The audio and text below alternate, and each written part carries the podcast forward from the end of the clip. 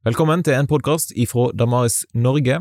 Her er andre del av et intervju som Lars Dale gjorde med den kjente britiske forfatteren og apologeten Oss Guinness. Temaet er hvordan vi bedre kan forstå sekulære ideer og livssyn i Europa. Intervjuet ble gjort i tilknytning til Lusanne Europes sin store online-konferanse Dynamic Gospel in a New Europe nå i november 2021. Welcome to this uh, second part of the two part series with uh, Guinness on European secularism. A warm welcome back to you, Os. Thank you. Real privilege to be with you all. And uh, this is in the context of the upcoming uh, Lausanne gathering, Lausanne Europe gathering, and, and also hosted, co hosted by Damaris Norway. And uh, in the first episode of, of this two part series, we focused on on European understanding European secularism. And you mentioned four different types there. Maybe we should just revisit those briefly. Hmm. Uh, the four uh, versions of of, athe- of of secular thought that you described. Could you just give us a, a very brief outline of that? Yeah. Well, I would just say, well, let's just put simply, there have always been atheists in the world. You have atheists in the Bible, Psalm 14:1, and so on. But European secularism is quite different.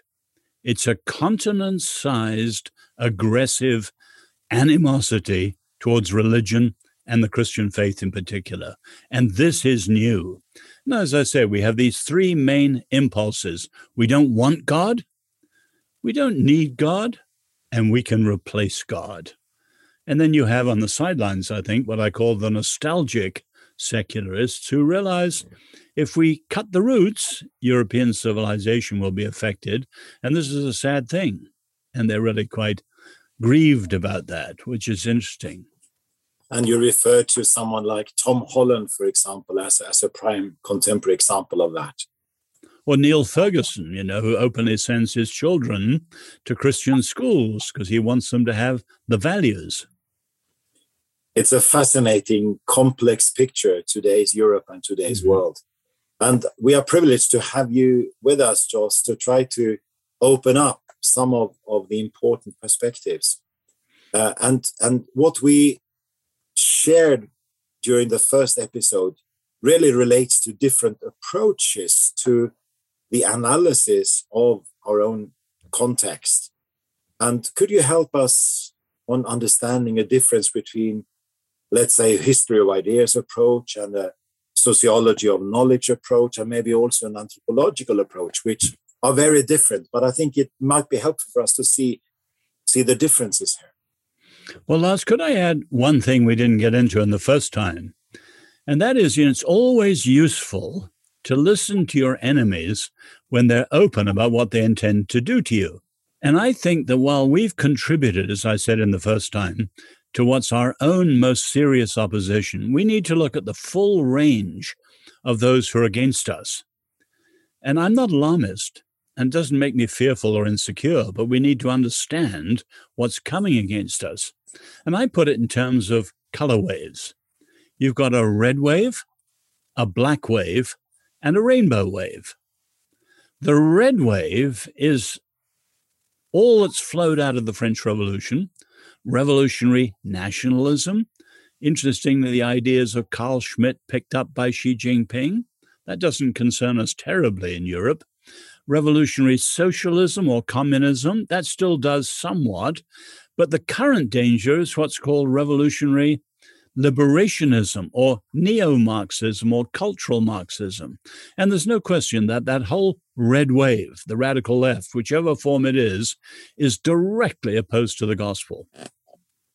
The black wave is the Islamic radicalism, the product of the last 30 years. You go back to the Iranian Revolution and the way you've got Iran representing the Shia, Saudi Arabia representing the Sunni, and spawning the radicalism from Al Qaeda right down currently this year to the Taliban, and so on, and 20 or 30 radical movements. And as you know, they're against what they call the little Satan, Israel, but they're primarily against the big Satan, the West.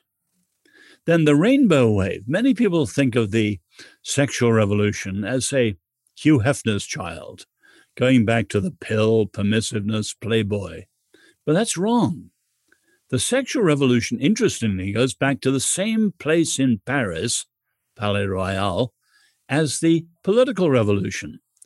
And whether you're looking at the Marquis de Sade or later architects like Wilhelm Reich, they are very clear what they're against. So Reich says this is the 1920s, and he gave us the term, the sexual revolution.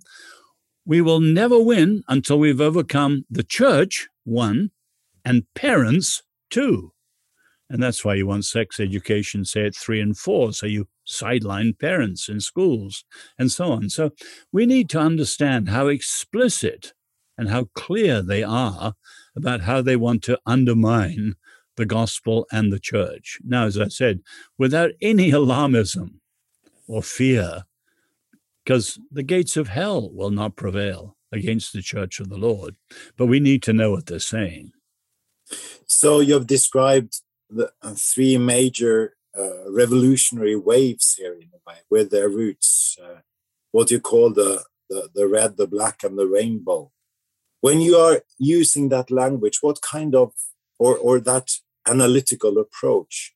So so what are the underlying uh, approaches that you apply then? Well, of course, as I said briefly in the first time, there's a difference between the personal and the philosophical. So if I'm talking to a Marxist or uh, whatever, you know, that's quite different from thinking about Marxism in the back of my mind. So I always begin with the listening that's the form of love. So we want to know where people are in terms of where their hearts really are. I often tell the story. I was talking to an American who said he just simply couldn't even search because every time he thought of God, he would get angry.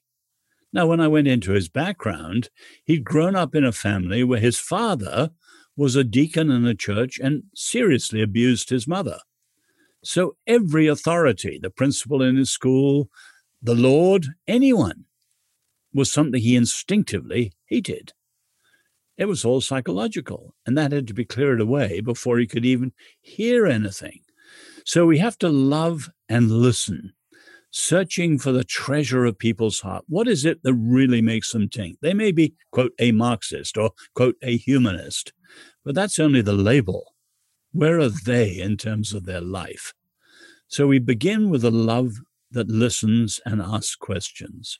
Well, I think this is wonderfully put. Also, uh, what you are summarizing there as a as a deep attitude, uh, uh, practicing our Lord's command to to love our neighbor and to to, to share the gospel in a genuine way and not in a manipulative way.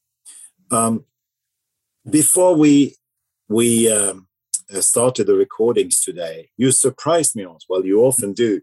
Uh, I mean, it's it's always nice surprises, but but it's uh, you actually said that not only are are you one of the few today that have spoken at all three Cape Town congresses, but you even uh, you know, so that is the, the, the Lausanne in 74, the Manila in 1989, and the Cape Town in 2010. But you even spoke at a, an earlier one. Could you tell us briefly about that? Well, I didn't speak, but at the Berlin Congress in 1966, I was the youngest delegate. Sorry. Yes, you're right. You, you, you, said that you were present. Yeah, I, I added uh, some was, to the story was, there yeah. Only in my 20s then. Yes. I was a friend of John Stott, and he very kindly invited me to that. So the Berlin 1966 mm-hmm. uh, con- uh, large evangelism conference. Well, at both Berlin and in Lausanne in 1974, the backdrop was the ecumenical movement, the World Council of Churches and so on, had decisively called for a moratorium on evangelism. And so John Stott, Billy Graham, and many others saw this as a moment for evangelicals to pick up the heart of what's at the center of evangelicalism, preaching the gospel. And both Berlin and Lausanne made a huge impact on that first level. And between your participation as a very young man then in 66 and your first speaking engagement then at the 74 uh, first Lausanne Congress, very seminal Congress, there was a major influence on you. You have said through the the through the whole L'Abri movement and Francis Schaeffer. Could you just briefly mention something about that? Well, I came became a Christian before I went to university. I became a Christian in 1960. And I was at London University, and we had wonderful teachers John Stott, Martyn Lloyd-Jones, Michael Green, great names. They gave us rich, deep blocks of theology, but nothing about the culture. And here we were in the 60s drugs, sex, rock and roll, Fellini, Bergman, free speech movement, you name it. There was no, rele- no relation to that. And then came this funny little man in Swiss knickers with a goatee connecting all the dots and encouraging us to think freely as Christians, to think Christianly about anything and everything under the Lordship of Jesus. And I found that so liberating. And through that, eventually came to discover my own calling. So you're right. Between 66 and 74, I went to L'Abri. And in 74, I actually drove down from L'Abri to Lausanne. And um, I was the youngest in Berlin at Lausanne. I happened to be the youngest of the speakers, but I was only one of the seminar speakers. That's right. Uh, uh, but you're speaking on, on, on age there, where uh, brother Ramez Atallah from Egypt was one. Mm-hmm. I think he says he was the youngest at, at that point, at least in during the continuation process, but that might be true. So there are many good young people who have joined, uh, you know, and been influenced decisively by Lausanne, and, and the whole emphasis on on the younger generation to do today is just a continuation and a more systematic approach on that. Uh, so, in terms of of then moving forward uh, from 74, before we do that, your topic was evangelism among thinking people. That was the, the topic of 1974. Could you, in a few sentences, uh, share what was on your heart then? Well, they actually gave me the topic evangelism to intellectuals. And I said, no, I don't like that because I think when you focus on people as intellectuals, as eggheads, all minds, we've got to focus on their hearts and the whole person. So I said, it has to be evangelism to thinking people. But I'd learned so much from L'Abri. I just mentioned a few minutes ago. You love people by listening to discover where they are. When you discover discernment with the help of the Holy Spirit by listening, then the question is are they open or closed to the gospel? If they're open, the gospel is immediately good news. They're in a bad situation and they know it.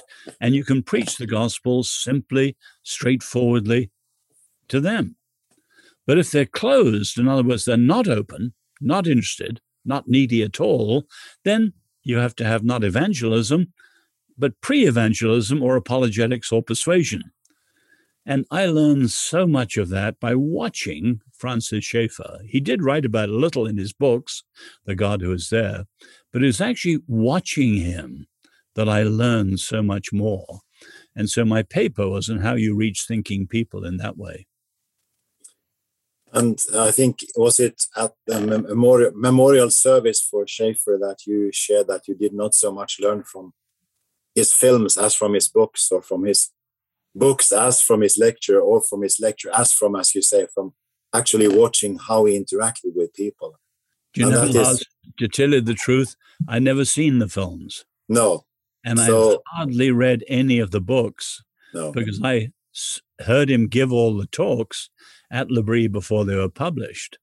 And you probably know Schaeffer didn't write any of his books. They were lectures transcribed and written up by Jim Sire at InterVarsity Press. Whereas Edith Schaeffer, she was a force of nature. She'd go down to a hotel on Friday evening and just write like mad over a weekend, hardly eating, hardly sleeping. She'd come back to L'Abri on Monday morning with a whole book. She wrote every word he didn't actually write a single word.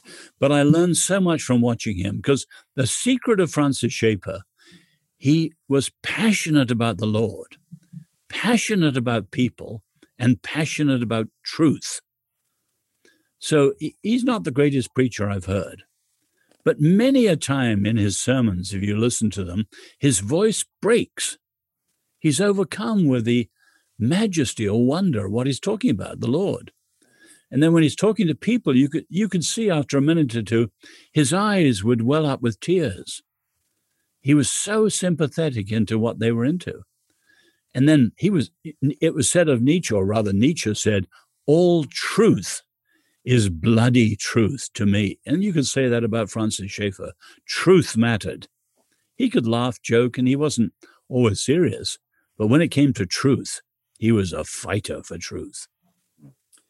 Thanks for sharing uh, these personal memories. And it really helps us uh, to get a richer picture of, of, of the people and, and uh, when we encounter them, for example, as authors or, or even uh, would visit the L'Abri Ideas Library online, which is a rich resource uh, for those who would like to pursue that. Um, then, if we move on, then uh, from the first to the second Lausanne Congress from 1974 to 1989. I well, don't, don't, uh, Lars, don't move on too fast. Okay, we, Lausanne. Come on, you share with us. You share with us. Lausanne yes. 74 was an incredible boost in terms of the importance of the gospel. We should never be ashamed of it. But secondly, as you know, Lausanne 74 brought together what was then called the simple gospel and the social gospel. In other words, the good news included justice. And papers like Rene Padilla were very, very important. But then again, Lausanne was the evangelical movement global. And you think DN, uh, globalism is in, uh, not globalism, globalization is in our DNA. The promise to Abraham, in you, all the families of the earth will be blessed. So we are not globalists in an H.G. Wells, George Soros style of world. No, no, New World Order. But we are globalists, and so is the evangelical movement. And the Lausanne Covenant was a fourth thing. So 74 was incredibly important for a whole number of reasons. I think the only thing I can say is amen to that. Hmm. it's a wonderful summary of, of, of, of the foundational contributions, I think, of, of, of 1974, which, you know, is one of the landmark events of evangelical Christianity in the 20th mm-hmm. century.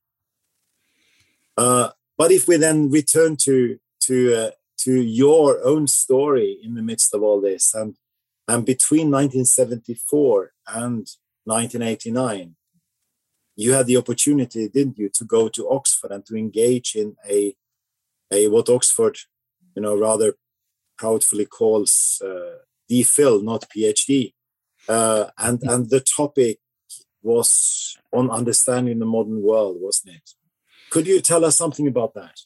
You know, everything I learned from L'Abri, to which I owe a huge amount to Francis Schaeffer, you could say it was helpful in terms of the history of ideas. In other words, the ancestry, the genealogy, as Nietzsche put it, of where ideas come from. That's very, very important. But it's only half the picture.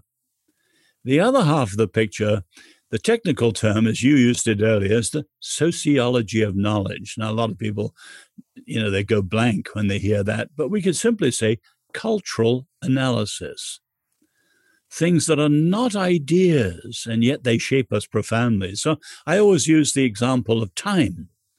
Everybody knows we're in a world of fast life, what the Americans call 24 7 pressure, incredible speed, stress, stuff. Where does it come from? It doesn't come from any philosopher, any psychologist or sociologist. It comes from clocks and watches. And people need to understand that because it's not just the speed at which we're living. We mentioned earlier things like relevance. You know, President Obama said in a speech this week, the ship has sailed. He often says Christians are on the wrong side of history. All these notions, such as relevance, are shaped by views of time.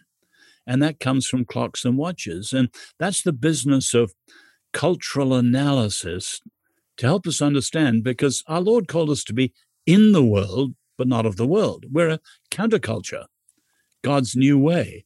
But you can't resist the world unless you recognize the world. And many Christians simply don't. And so that's what I went to Oxford for. And I studied on the ideas of Peter Berger, who was the best in that. So when Manila came along in 1989, and they said, Would you give us something? It was a plenary this time, something on your heart now. I said, Well, we need to understand the link between mission and modernity. now, I was think the first one to use the word at Lausanne. I'll never forget. I they gave me 17 minutes. That's all in the plenary to speak on modernity. Quite impossible. But I went out and I met a lady in the foyer afterwards. I was much younger and she was older then. I'm much older now. But she said to me, I didn't hear everything you said and I didn't understand everything I heard. But I have one question. Why did they ask a man to speak on maternity? She'd misunderstood yes. the whole notion of modernity. so I tried to introduce that notion, and thank God it's been picked up since then very widely because it's a key part of our discipleship and evangelism. So, if you would unpack not maternity in this context, but modernity, what, what, how did you use that phrase? Well, modernity is simply the whole constellation, the whole kit and caboodle of what it means to be modern. But let me take a simple example. The American church, and I'm sure this is true in many European countries too, is suffering a crisis of authority. We say Jesus is Lord, but in fact, you've got a pick and choose type of Christian faith that takes what it likes and rejects what it doesn't like. Where does it come from? We haven't been undone by liberal theology. Evangelicals have resisted the extremes of liberal theology very well. But we've been undone by consumerism. So, with consumerism, a supermarket say you have a hundred choices of cereals and granolas. But that attitude comes into everything. Everything's a matter of your choice, your preference. Pick and choose. So you have American churches where you want a jazz worship or classical worship or contemporary worship. You, pick and choose. And so one man said to me, Of course, I've got lots of love on my plate, but hell? Hell no, he said. And you can see one pastor said we've got to unhitch our faith from the Old Testament. That's crazy and unfaithful. And it's the result of Western consumerism and the idea that everything's a matter of what we choose, and choice makes it authentic and so on. Well, that's very dangerous. We've become very worldly at that point. We're in the world and of the world, and that's the tragedy. The American church, and I'm sure this is true in parts of Europe, the American church is weak because it's worldly, numerically very large, culturally uninfluential, theologically unfaithful. So what you're describing here is kind of the the overall social cultural dynamics and context that we live in and that are shaping us. Those dynamics are shaping us much deeper than we recognize often. Is that right? Absolutely. Maybe the saddest example is how secular we are in the West. So you look at our Lord, the power of the Spirit in his preaching, in his deliverances, in his healing, everything he does. And he gives the Spirit to his followers. And you can see that the early church, incredible movement of the Spirit, right down to St. Augustine. So St. Augustine, a little skeptical, say about healing, but towards the end of his life, he records 50 miracles of healing in Hippo. But then, of course, it became a celebrity thing. And you had places like Lourdes and Knock, and it, it, a lot of superstition, a lot of corruption. The Reformation threw a lot of that out. And while Calvin was the theologian of the Holy Spirit, many of the followers of John Calvin were what we call the frozen chosen. They don't have a powerful sense of the Holy Spirit. And then came the Enlightenment. And now, under modernity, as we know, the real world in modernity is the world of politics and business and science and technology. And here's the point Berger calls our modern world a world without windows. In other words, what is unseen is unreal. Whereas in the Bible, what's unseen is more real. And so our Asian brothers and sisters, our African brothers and sisters, they're much more like the early church. And many of us in the West are actually functional atheists. We've been secularized. We've become Western worldly rather than truly biblical. Now we've got to examine these things and ask the Lord for revival and reformation. So I can hear a deep sense of calling us back here to, as you say, to a reformation, to revival, to repentance. Is that a, a calling, a, you know, a, a voice, a message that that is being heard today? Well, it needs to be. Now, you look in the Old Testament, the Hebrew scriptures, the words remember and never forget come again and again. Because as humans, we forget and then we drift and decline. So you can see in the scriptures themselves, you know, how the covenant falls apart. So the greatness of the covenant in Exodus, and you get down to Judges, everyone does what's right in their own eyes, no king in Israel. Or you get down to the later kings, and you need Hezekiah or Josiah. Or after the exile, you need an Ezra, Nehemiah to call things back. So we evangelicals have always been at the heart of renewal and revival because we know how things drift and decline. You know, my great grandfather in Ireland at the age of 23, he was the lead preacher in the Irish revival. And we have newspaper accounts. He'd stand, no microphone, he'd stand on top of a carriage, and there were crowds of 25 or 30,000. And the Spirit would fall. You know this in Norway. And in Northern Ireland, Ireland was not divided in those days, but in the north of Ireland, in the year after the revival, there was only one recorded crime. So whether it's John Wesley, George Whitefield, your Norwegian revivals, the Korean revivals, the Welsh revival, we know again and again we need reviving. And the church truly needs it today. So what uh, what I'm hearing from from your deep analysis here, the connection between the the Reformation, the revival, the renewal, and also of, of the cultural, spiritual and cultural fruits in society coming out of that as a, as a as a real, authentic result of that, isn't it? Absolutely. You know, people say, "Can you see a nation turn round?" And the example is England in the 18th century. England was socially and politically inches away from the problems that led to the French Revolution decadence, violence, corruption, you name it. You think of John Wesley and the revival of 1739. That was the first generation. And then you had people like our brother William Wilberforce. And they took that revival and its message of the gospel into the leadership classes. And that turned around the whole of England and laid the foundations for what became the 19th century and so on. So we should thank the Lord for these great examples of revival in history, not purely spiritual, profoundly spiritual, but affecting the whole of a society and a culture. And we need that in Europe today. Europe will never be united in any strong way without the gospel, never has been, and the only alternative is bureaucracy and authoritarianism, which is unthinkable. Europe needs revival. Many of our churches do. I certainly feel that my own heart does.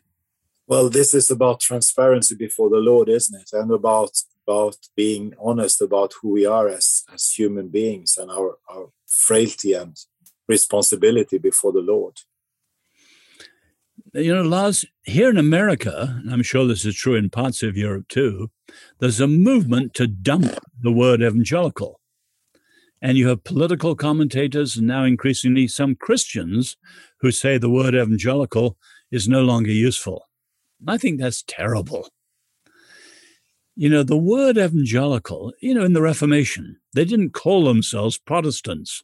It was their enemies who called them Protestants, protesters, they called themselves evangelicals. They were going back to the good news of the gospel. To the evangel. Evangel. So you take the great labels in the church, you know, Orthodox with a capital O, or Catholic with a capital C, universal. The word evangelical with a capital E is deeper and richer and more biblical than either of those. So, whenever people know we've got to go back to Jesus and the good news of what was prophesied in Isaiah 61 and began to be fulfilled in Luke 4, today in your hearing, the scripture is fulfilled, good news for the poor, etc. That's evangelicalism. So every time the church is at low ebb, which it is today, we need to be more evangelical in the real sense of the word, defining our faith, defining our lives by going back as closely as we can to our Lord and all that He called us to be as His followers. So I'm an unashamed evangelical.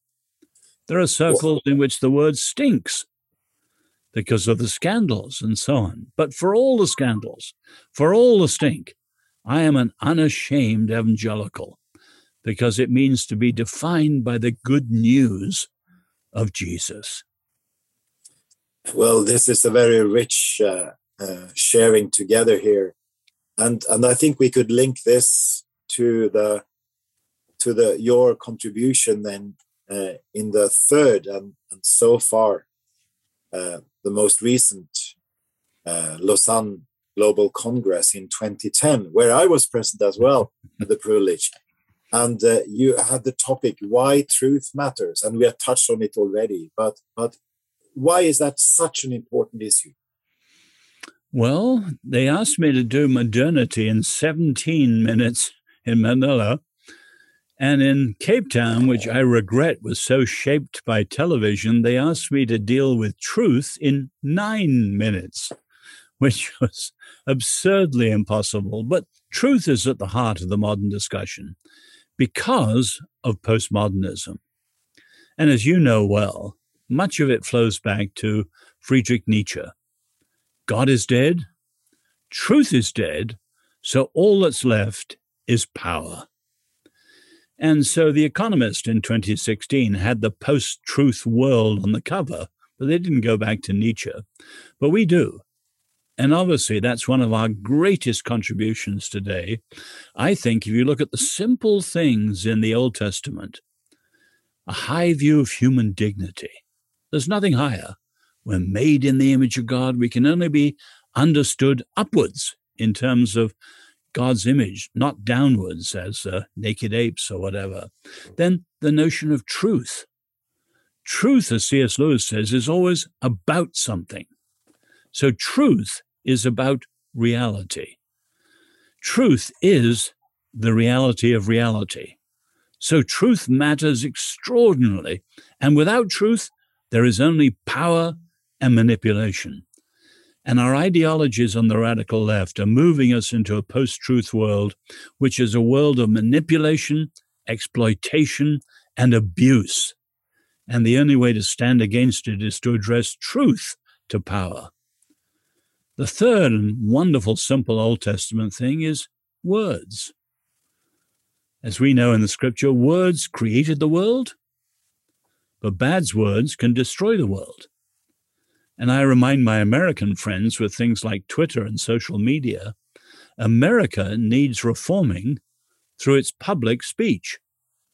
From President Trump downwards, what America is doing today is what the Bible calls evil speech. And the rabbis are pretty tough. Evil speech is tantamount to murder in the biblical understanding. So we are people made in the image of God, champions of truth, people who use words with great care, because we know words can create worlds and words can destroy worlds. And we should be people with a great respect for human dignity, for truth, and for words as we move out into public life and in that context of, of, of human dignity, truth, and words, I suppose that's where the biblical roots of freedom uh, lies as well. Absolutely. You know, I, I was at um, Oxford with Isaiah Berlin, the great Jewish philosopher of freedom.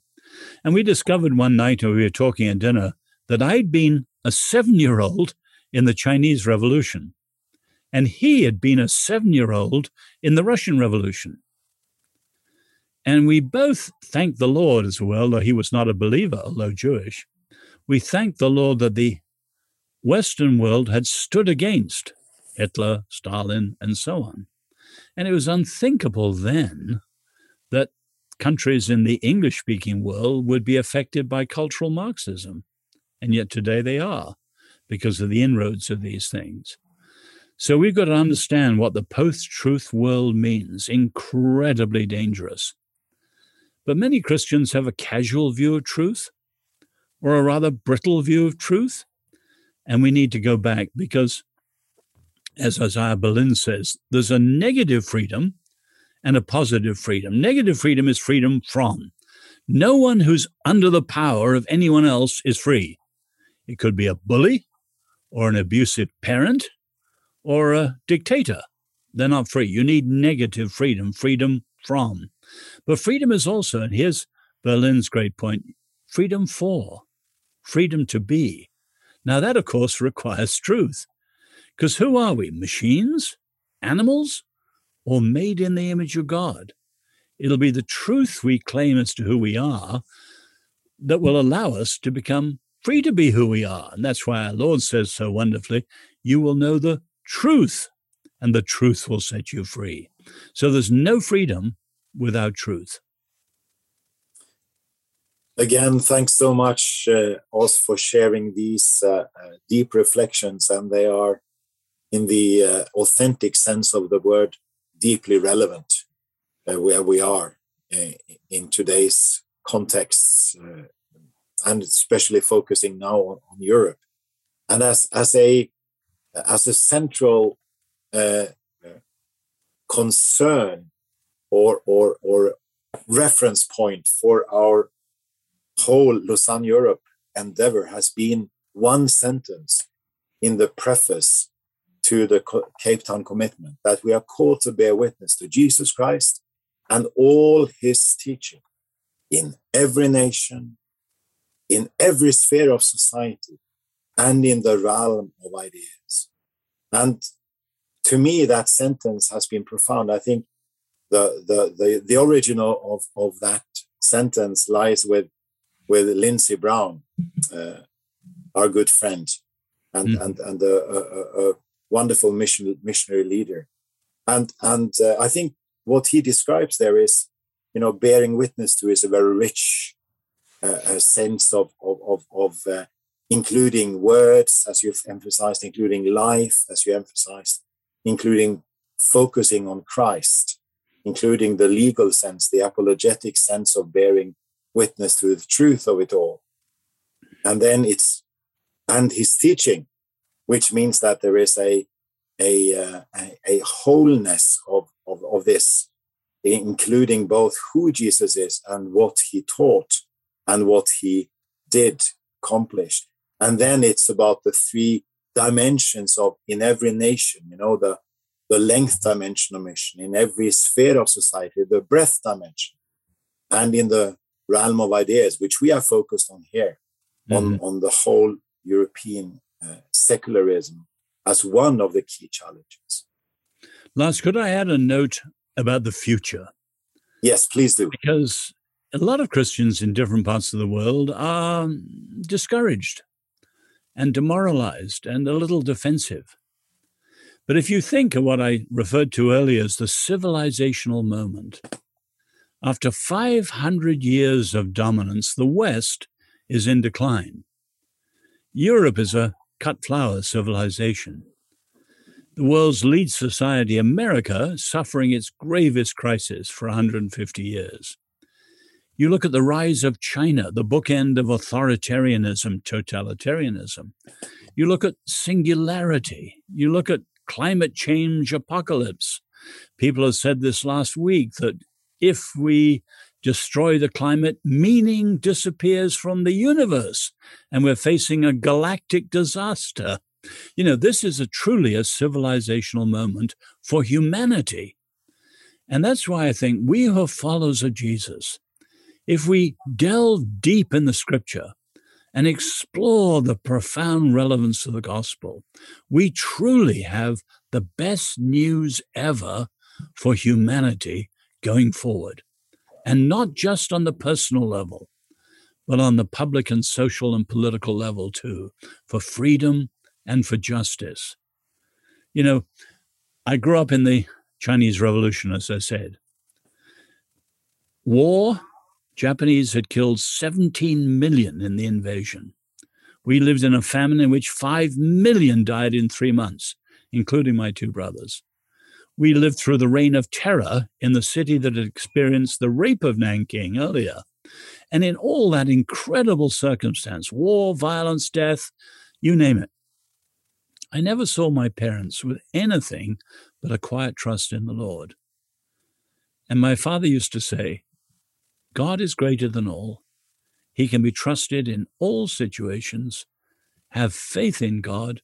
Have no fear. We have the best news for humanity. Let all of us who are part of this wonderful Lausanne movement move out with courage and confidence. Thank you so much for ending at this note of, of, of authentic hope, authentic biblical hope, with such a important, so many important ramifications for, for all of us at the personal level and the public level. So thanks a lot, dear Os, for being with us, and we look forward also to your contribution during the actual gathering. And we wish you God's rich blessing in your uh, various facets on your public ministry. My privilege, thank you, and God bless you too. Da har du hørt andre del av Lars Dahle sin samtale med Os Guinness om sekulære ideer og livssyn i Europa. Takk for at du lytter til Damaris Norge sin podkast. Har du lyst til å støtte arbeidet til Damaris, så går du til damaris.no, så finner du informasjon om hvordan du kan gjøre det der. Vi setter stor pris på alle de som har lyst til å være med og bidra til at Damaris Norge kan fortsette å publisere gode apologetiske ressurser, både i podkasten, på Snakk om tro og de andre nettsidene som vi har i Damaris Norge.